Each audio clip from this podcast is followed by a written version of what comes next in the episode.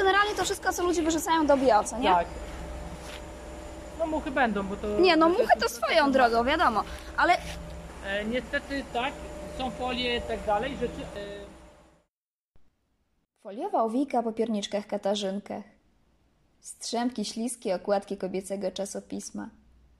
Sreberka czy pozłotka, jak kto woli, po cukierkach.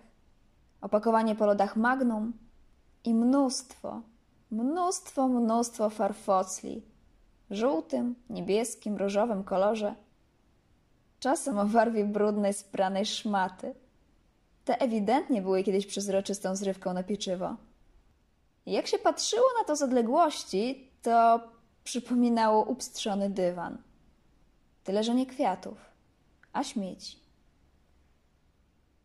To wszystko trafiło do brązowego pojemnika na bio, czyli de facto pojemnika na resztki kuchenne. A po odbiorze zawartości pojemnika wylądowało w kompostowni. Nie mamy w kraju zbyt dużo kompostowni dedykowanych bioodpadom z naszych domów jest jakoś ponad 200 obiektów. Biorąc pod uwagę, że w Polsce jest prawie 2,5 tysiąca gmin, to te paręset obiektów, no to nie jest jakaś imponująca liczba. Odpadków bio jest natomiast bardzo dużo. Jak wynika z danych Głównego Urzędu Statystycznego, w 2017 roku zebrano w Polsce prawie 12 milionów ton odpadów komunalnych, zarówno selektywnych, czyli posegregowanych, jak i zmieszanych. Z tego 7,5% stanowiły selektywnie zebrane odpady biodegradowalne. To jeśli chodzi o oficjalne statystyki.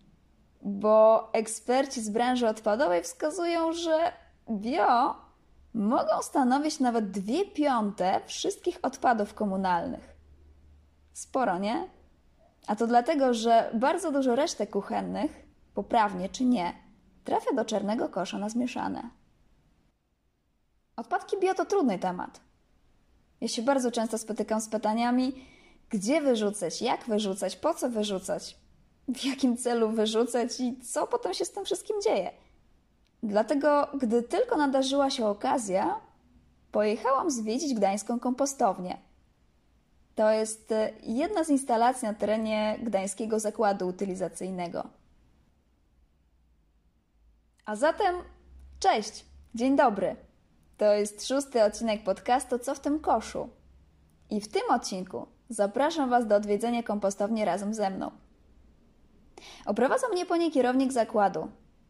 I mam nadzieję, że dzięki naszej wycieczce i przybliżeniu tego, co dzieje się z odpadkami po drugiej stronie kosza, będzie Wam troszkę łatwiej segregować resztki z kuchni, ale też dokonywać bardziej świadomych wyborów konsumenckich.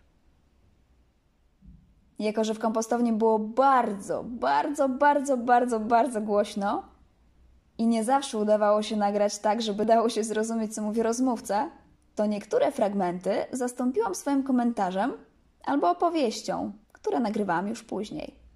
I jeszcze jedno. Jeżeli chcecie zobaczyć, jak wyglądało to wszystko, o czym mówię w tym odcinku, zapraszam na moją stronę nanowośmieci.pl.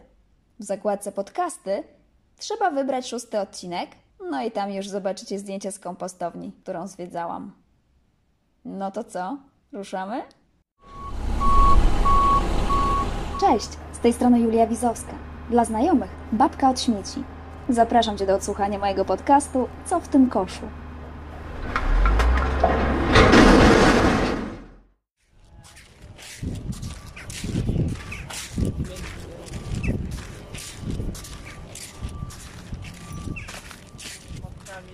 Wiecie co? Gdyby tak przejść się po całym zakładzie z Zendomondo, to wyjdzie pewnie jakieś 3000 kroków. I to co najmniej. Na przykład w dniu, w którym byłam oprowadzana przez kierownika, kierownik zakładu zrobił jakieś 8000 kroków. A zakład to parę obiektów. Dwie kompostownie, jedna większa komorowa, druga mniejsza tunelowa. A te nazwy biorą się stąd, że w pierwszej kompostowanie odbywa się w szczelnie zamkniętych komorach, a w tej drugiej w otwartych tunelach, pod oczywiście zadaszoną halą. Do jako pierwszy wybraliśmy się do kompostowni komorowej. Po tym, jak odpadki przyjeżdżają do zakładu, są za pomocą ładowarek transportowane do komór kompostowania. Aby zorientować się, jak wygląda komora kompostowania, trzeba uruchomić wyobraźnię. Więc wyobraźcie sobie taką halę magazynową, jaką możecie kojarzyć z amerykańskich filmów. Więc mamy betonową wylewkę na podłodze i po obu stronach korytarza zamykane boksy do przechowywania różnych klamotów. W kompostowni takich boksów było dokładnie 16. Każdy z nich miał 32 metry długości, 7 metrów szerokości i 5 metrów wysokości. Jak się wchodzi do środka opróżnionego reaktora, bo tak się fachowo nazywa ten boks, uderzają całkowite ciemności i ciepło. Podczas kompostowania temperatura w komorze osiąga 70 stopni Celsjusza. Co ciekawe, zakład nie dodaje energii cieplnej z zewnątrz, czyli nie podgrzewa, bo proces jest endogenny. To znaczy, że temperatura sama rośnie pod wpływem przemian chemicznych podczas kompostowania. I im głębiej wchodziliśmy do reaktora, już pustego oczywiście, tym powietrze było gorętsze. No i tak, odpadki trafiały do jednego z reaktorów, czyli w środku usypywało się materię, po czym ten reaktor zamykało się na tydzień i w tym czasie działa się magia. W materię wbijała się sonda, która robiła pomiary temperatury, wilgotności i tlenu. Za pomocą wentylatora wtłaczano do komory powietrze. Natomiast nadmiar wilgoci był odprowadzany przez rynienki na dnie reaktora. To są otworki w betonowej posadzce, do których oczywiście wsadziłam palucha. No i właśnie paluch się w takiej rynience mieści. W trakcie tego tygodnia materiał zmniejsza swoją objętość, a jednocześnie, jak leży, to pod wpływem swojego ciężaru samoczynnie się ugniata, co sprawia, że do materii nie przedostaje się tlen, a przecież kompostowanie jest procesem tlenowym. Dlatego potrzebne jest przerzucenie.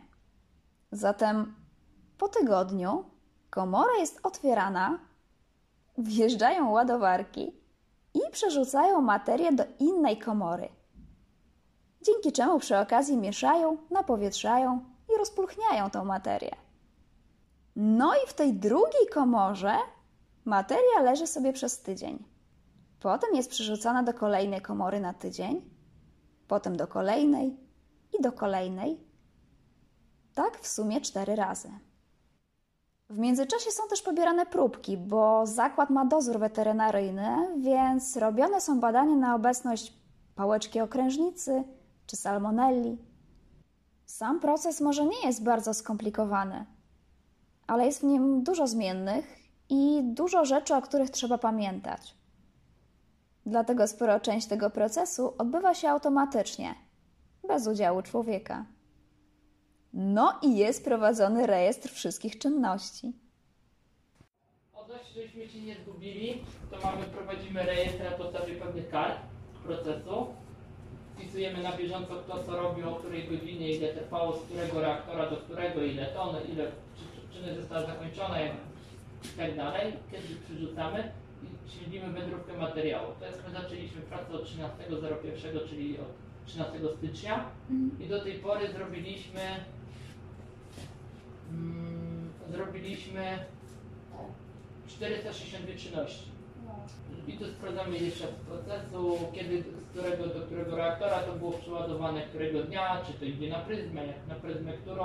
Wiemy, że dzisiaj na przykład powinniśmy jeszcze przetworzyć, przeładować e, z reaktora drugiego, bo on był 9.06, czyli 9 czerwca był załadowany reaktor, e, przeładowany i trzeba jeszcze raz i wtedy w tym miejscu wiemy, że stąd idzie na pryzmę, tak?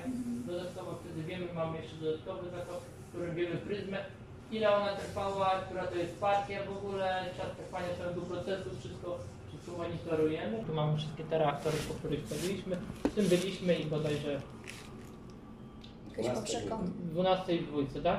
Tak. Czyli w 12 i w dwójce w tych dwóch byliśmy, one są w- były włączone.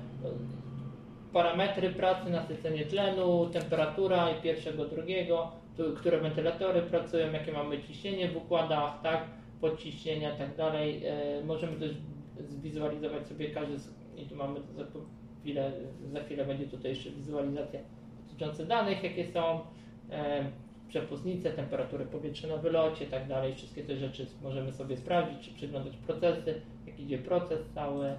E, dodatkowo mamy jakieś tam powiedzmy ustawienia sobie już w jakich, temper- w jakich wartościach ma to wszystko pracować. Więc pierwsze pięć tygodni odpadki spędzają w reaktorach. Po jednym tygodniu na każdy reaktor. Czyli najpierw ten pierwszy pierwszy, a potem cztery przerzucenia. A po tym czasie, znowu za pomocą ładowarki, materiał jest transportowany do kolejnego obiektu na halę, która znajduje się tuż obok tych boksów. I to jest hala dojrzewania kompostu. Dobra, to jest który etap? To przedostatni. Czyli E. po opróżnieniu z komory, tak? Tak, tak. Więc mamy takich 5 pryzm, znaczy dokładnie 10. I to jest materiał, który już on jakby musi wytracić swoją jeszcze temperaturę, jeszcze jakby to jest hala dojrzewania, czyli materiał jest dojrzewa. Ten odpad jeszcze tutaj leżakuje 3 tygodnie i w tym czasie jest przerzucany za pomocą tej przerzutarki. To jest kabina hydrauliczna, ona się podnosi. Tam jest taki rotor i maszyna przejeżdża, tak? To jest... O, zamknęli, akurat to nie wejdziemy, ale no, takie maszyny kosztują parę milionów złotych, nie? Bo to jest, no, mniej więcej cen, cena Lamborghini. Więc, to urządzenie, no, jeszcze przerzuca, przerzuca, jeździ w pierwszym tygodniu trzy razy w tygodniu, w drugim dwa razy i w ostatnim raz, raz w tygodniu przerzucany jest jeszcze materiał. I teraz słuchajcie, powiem coś, co z jednej strony jest dla mnie niesamowicie ciekawe, a z drugiej wprost przerażające. Bo była to jedna hala w jednym tylko zakładzie w Polsce, a znajdowało się w niej 2000 ton odpadków biodegradowalnych.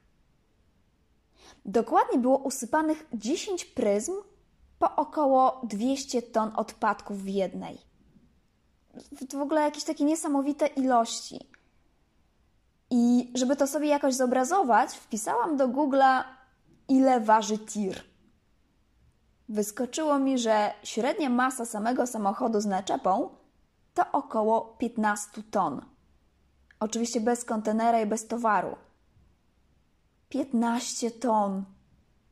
A tu w jednej hali było co najmniej 2000 ton. To są jakieś kosmiczne ilości odpadów. Jeszcze raz, 2000 ton? No, pon- ponad. Tak, i tego będzie jakieś jedna trzecia, to będzie kompost, tak? Pozostałe dwie trzecie były kwalifikowane m.in. jako kompost nieodpowiadający wymaganiom, czy też nie nadający się do wykorzystania. Do tego wrócę za chwilkę, ale najpierw pamiętacie, jak na początku wymieniałam różne śmieci, które trafiały do kosza na bio? Zobaczyłam je, jak leżały na hałdach pryzmy. Wszystkie te folie, owiki, sreberka, welpozłotka pozostały właściwie już wśród kompostu w hali dojrzewania.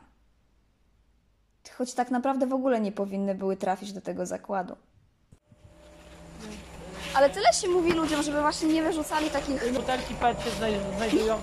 E, folia jest od tego, że odpady w Polsce zazwyczaj z domów e, W workach. bloków są w workach. Więc teoretycznie jak my je potniemy, to worki i tak zostają. Aha. Natomiast natomiast to, A co komunikujecie mieszkańcom, żeby oni wyrzucali mm, bez żadnych najlepiej worków? by Czy... było tak, ale, ale to wiemy, że, że z góry my raczej prób, próbujemy, żeby to było prewencyjnie i odgórnie. Natomiast e, natomiast to jest tak różnie z tym. No tak. Po ośmiu tygodniach od momentu przejechania odpadków bio do instalacji, no bo do tych pierwszych pięciu tygodni w boksach dochodzą kolejne trzy w hali dojrzewania, materiał wywożony jest na zewnątrz, poza halę, gdzie jest przesiewany. I do tego przesiewania używane są sita. Tylko, że to nie są takie prymitywne sita jak, wiecie, wyobrażamy sobie na przykład sita do przesiewania mąki na chleb. Tylko to jest taka wielka maszyna, która ma w sobie trzy pokłady, powiedzmy, gwiazdek, czy też zębatek. Więc jak ładowarka wrzuca od góry to wszystko, co wyszło z hali dojrzewania, gwiazdki szybko się kręcą i w zależności od wielkości rozdzielają materiał na trzy frakcje. Pierwsza ma powyżej 60 mm, druga od 20 do 60 mm, no i trzecia poniżej 20 mm. I tu dochodzimy do sprawy kompostu niespełniającego wymagania, bo według prawa kompostem, w sensie ulepszaczem gleby, może być materiał, który ma od 0 do 15 mm. Dlatego wszystko, co ma powyżej tych 15 mm, jest kompostem nie nadającym się do wykorzystania. Zakład to jeszcze przesiewa na sicie 8 mm. No i część z tego odsiewu trafia na składowisko jako balast, czyli taki odpad z odpadu. Część natomiast jest wykorzystywana na przykład do rekultywacji składowiska. Czyli na przykład jak górka śmieciowa jest już usypana po samą kokardę i więcej odpadów nie da się już tam usypać, no to się ją zamyka i przystępuje do rekultywacji. Czyli takiego przywracania do użytku, do środowiska. Czasem na przykład na takich rekultywowanych górkach robi się jakieś zjeżdżalnie czy jakieś stoki narciarskie. No, ale żeby zrekultywować, no to wtedy z wierzchu jest przesypywana górka ziemią, gruzem, no albo właśnie takim zanieczyszczonym kompostem. Inna kwestia, że aby materiał mógł być wykorzystany jako nawóz, musi przejść certyfikację. I w tym momencie Gdański Zakład stara się właśnie o dwa certyfikaty. Jeden na kompost pochodzący z odpadków bio, który może być wykorzystywany do nawożenia trawników i rabatek z kwiatami, czyli do celów, które nie są związane z uprawą żywności. No bo wiecie, do odpadów bio mieszkańcy wrzucają różne rzeczy. A drugi certyfikat na kompost odpadów zielonych, które może być już właściwie wykorzystywane bez ograniczeń. Z jednej strony więc zakład przetwarza odpady bio, z drugiej zielone, ale z trzeciej tak zwaną podsitówkę z odpadów zmieszanych. To znaczy, że jak zawartość naszych czarnych pojemników przyjeżdża do sortowni, która mieści się tuż obok, to ona jest sortowana. Najpierw niektóre rzeczy są wyciągane ręcznie, potem magnes wyłapuje metalowe przedmioty, reszta natomiast trafia na sito główne, a po nim na sito wtórne. No i to, co z tego sita spadnie, jakaś taka drobna frakcja, to jest właśnie najczęściej frakcja bio. I ona trafia do paru tuneli w tej drugiej kompostowni, tunelowej. Jeszcze mam odpady, które są frakcją podsitową z odpadów zmieszanych resztkowych. Ponieważ to dzieje się tak, że w odpadach mieszanych i tak są jakieś frakcje organiczne. Nawet to nawet jest 50%. Tak. E, I kwestia jest tego, tylko że w Polsce, w przeciwieństwie na przykład do prawodawstwa francuskiego, w Polsce to, co miało odpad odpadem zmieszanym, nie może być wykorzystywane już ponownie. Więc, ale też w Polsce jest taki współczynnik aktywności oddechowej AT4, który mówi o tym, czy coś jeszcze jest tam organika, czy nie. I na kwaterę nie można wyskładować czegoś, co nie ma, co nie jest ustabilizowane, bo to zaczęło pracować. I dodatkowo mamy jeszcze jedną kompostownię, która zajmuje się głównie, ale nie tylko, bo mamy dwa, dwa, dwa tunele, w którym przetwarzamy inne odpady, czyli odpady mokre, od 2 do 6 nie? A tak to jeszcze mamy, przetwarzamy po prostu, stabilizujemy. I to wtedy nie jest kompost, tylko po procesie stabilizacji, po procesie kompostowania. I wtedy dopiero to może pojechać na kwaterę. No dobra, przykładając to z zawodowego żargonu na nasze, ta podsietówka, no ona nie trafia do tuneli w kompostowni po to, żeby wytworzył się z tego kompost czy nawóz. Tylko po to, żeby się ustabilizowało. To znaczy zmniejszyło swoją objętość i wytraciło tą część organiczną w sobie. Po to, żeby po procesie stabilizacji można było zawieźć te odpady na składowisko. Bez stabilizacji na składowisko odpadów się nie wysyła. Dlatego, że organika gnijąc i wydzielając metan może powodować samozapłony na składowisku. A skoro o gniciu mowa, opowiem Wam o pewnych smaczkach związanych z zapachem. No bo oczywiste jest, że procesom związanym z odpadami towarzyszą pewne zapachy.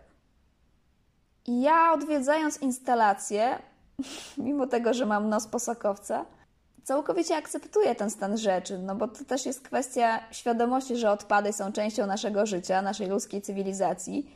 No jakby towarzyszą nam od zarania dziejów, obecnie jest więcej tworzyw sztucznych, no ale generalnie zapachy no są i zawsze były.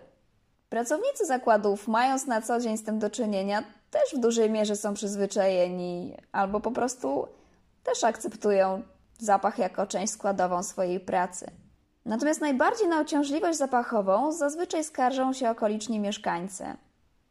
I w wielu nowoczesnych zakładach, które powstają w Polsce w ostatnich latach, są na tą okazję wprowadzane różne rozwiązania. Zazwyczaj to nie jest jedno rozwiązanie, które mają za zadanie okiełznać ten cały odór. No i tak na przykład stoimy sobie na zewnątrz pod halą dojrzewania kompostu. Brama do hali jest otwarta. No i co tu dużo mówić? No czuć. Aż tu nagle coś się zmienia i faktycznie czuję, ale przyjemny zapach. No więc się rozglądam, podnoszę głowę i nad wejściem do hali, czyli w takiej bramie, na górze widzę jakieś urządzenie, które przypomina klimatyzację. To była kurtyna powietrzna, czyli bariera antyodorowa, jedna z uzdatniaczy powietrza, które są montowane na wejściach czy wyjściach do hali, po to, że gdy powietrze się ze środka wydostanie, albo gdyby miało zamiar się wydostać, no to żeby na wyjściu było, no właśnie, uzdatnione, zdeozdoryzowane, przyjemnie pachniało w sensie zneutralizowane. O, myślę, że to jest dobre słowo. Natomiast w środku obok kompostowni są montowane całe systemy oczyszczania i uzdatniania powietrza. I gdański obiekt też jest wyposażony w taki system. Na czym to polega? Otóż znajdujące się wewnątrz instalacji powietrze, zanim zostanie upuszczone do atmosfery, przechodzi trójstopniowy system oczyszczania. No i generalnie to jest bardzo mm, skomplikowane, bo najpierw jest, najpierw są płuczki wodne, potem są płuczki chemiczne. Ja się nie chcę bardzo w to zagłębiać, bo to jest zbyt skomplikowane jak, jak na dzisiejszą, dzisiejsze nagranie. A zresztą i tak najbardziej interesował mnie trzeci stopień oczyszczania. Uważam, że on jest naprawdę niesamowity. Po tym, jak powietrze zostanie oczyszczone na płuczkach, trafia z pomocą kanału wentylacyjnego w ziemię.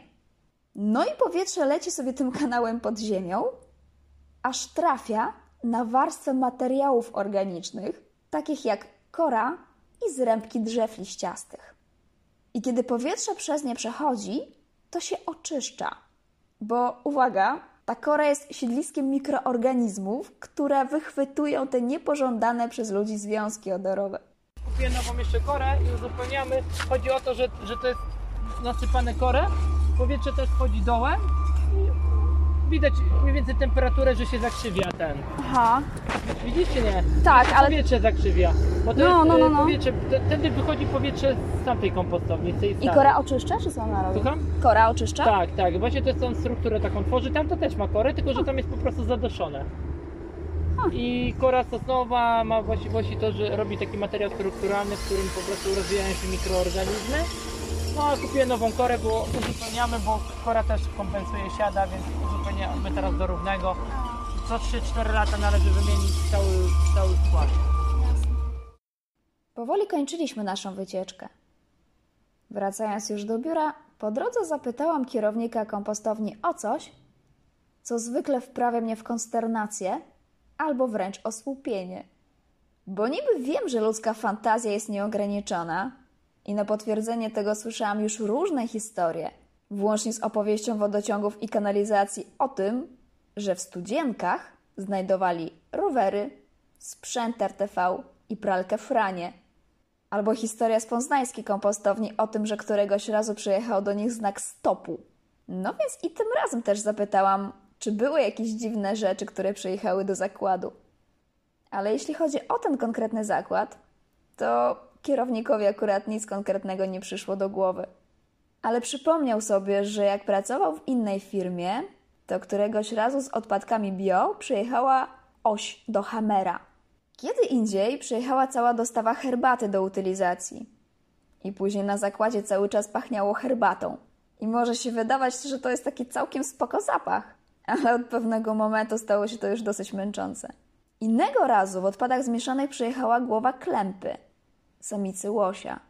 Ktoś wyrzucając ją na śmietnik pozbył się też pewnego rodzaju dowodów, no bo nie można było polować na łosie w Polsce. A jeszcze inna historia, opowiedziana przez kierownika kompostowni, dotyczyła pewnej sortowni, której zdarzyły się przypadki martwych niemowląt, które przyjechały wraz z transportem odpadów. To miało miejsce kilka lat temu i oczywiście w zakładzie pojawiła się od razu prokuratura. Ale odchodząc od tak drastycznych przypadków na rzecz powszechnych, które trafiają do kosza na bio, choć nie powinny i zaburzają proces kompostowania. To są przede wszystkim rzeczy nieulegające biodegradacji, czyli przykład folie, które utrudniają migrację powietrza, albo metalowe przedmioty, które mogą uszkodzić rozdrabniarkę albo stępić jej ostrza, bądź też oleje, które hamują proces kompostowania, albo akumulatory. One zawierają metale ciężkie, które przechodzą do materiału w trakcie kompostowania. Są też takie produkty, które, jak nam się wydaje, mogą być wrzucane do kosza na bio. No bo przecież na opakowaniu widnieje informacja o biodegradowalności i kompostowalności. Korzystając więc z okazji, zapytałam, jak to jest przetwarzaniem tego rodzaju rzeczy. Wziąć pod uwagę, to co będzie na początku, to wziąć, że coś podobnego będzie na końcu. Im lepszy stan, to na pewno ten produkt sobie to też lepszy, no. A Część, słuchaj, a to takie nowoczesne wynalazki, nie wiem, normalne piluchy, e, kubeczki, robimy, też listwela, tak dalej. Też do tej pory na razie i jedno się udało jednego producenta. Resztę mamy jakieś podpiane i tak dalej.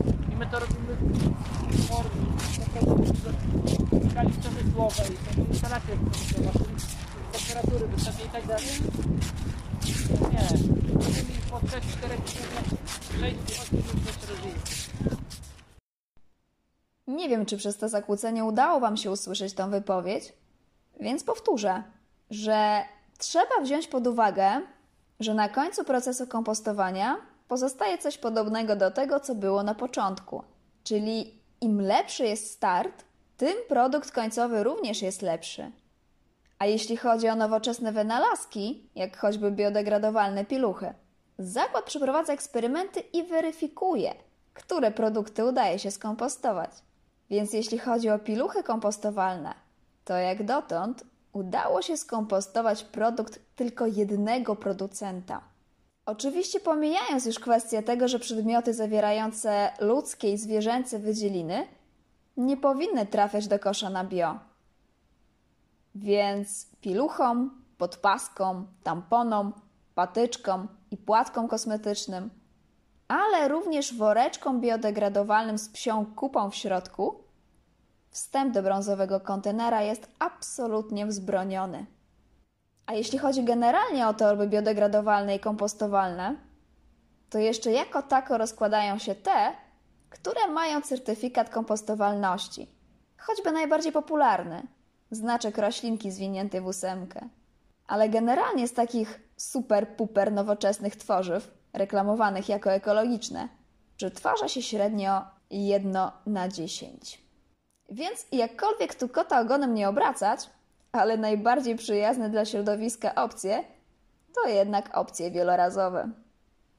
Zanim zostawię Was tą myślą, chcę przekazać gorące pozdrowienia dla moich matronek i patronów. To dzięki Waszemu wsparciu powstał ten odcinek podcastu. Serio, z ręką na sercu, bez Was by go nie było. Bardzo, bardzo Wam za to dziękuję. A jeśli Wy, słuchający mnie teraz, widzicie w tym podcaście wartość i chcecie, by kolejne odcinki ukazywały się częściej, dołączcie do grona moich patronów. Szczegóły znajdziecie na stronie patronite.pl ukośnik na nowo śmieci. Zachęcam też do obserwowania moich profili społecznościowych. Na Facebooku i Instagramie działam pod nazwą Na Nowo Śmieci i przybliżam kwestię naszych codziennych odpadów. lepszych wyborów w sklepach i stylu życia przyjaznego dla środowiska. No a na stronie na nowośmieci.pl, tak jak już wspominałam, znajdziecie zdjęcia z wizyty w tych kompostowniach. A dla tych, którzy wolą czytać, jest już transkrypcja. No a tymczasem to by było na tyle. Ściskam Was i pozdrawiam. To była Wasza babka od śmieci. Pa, pa!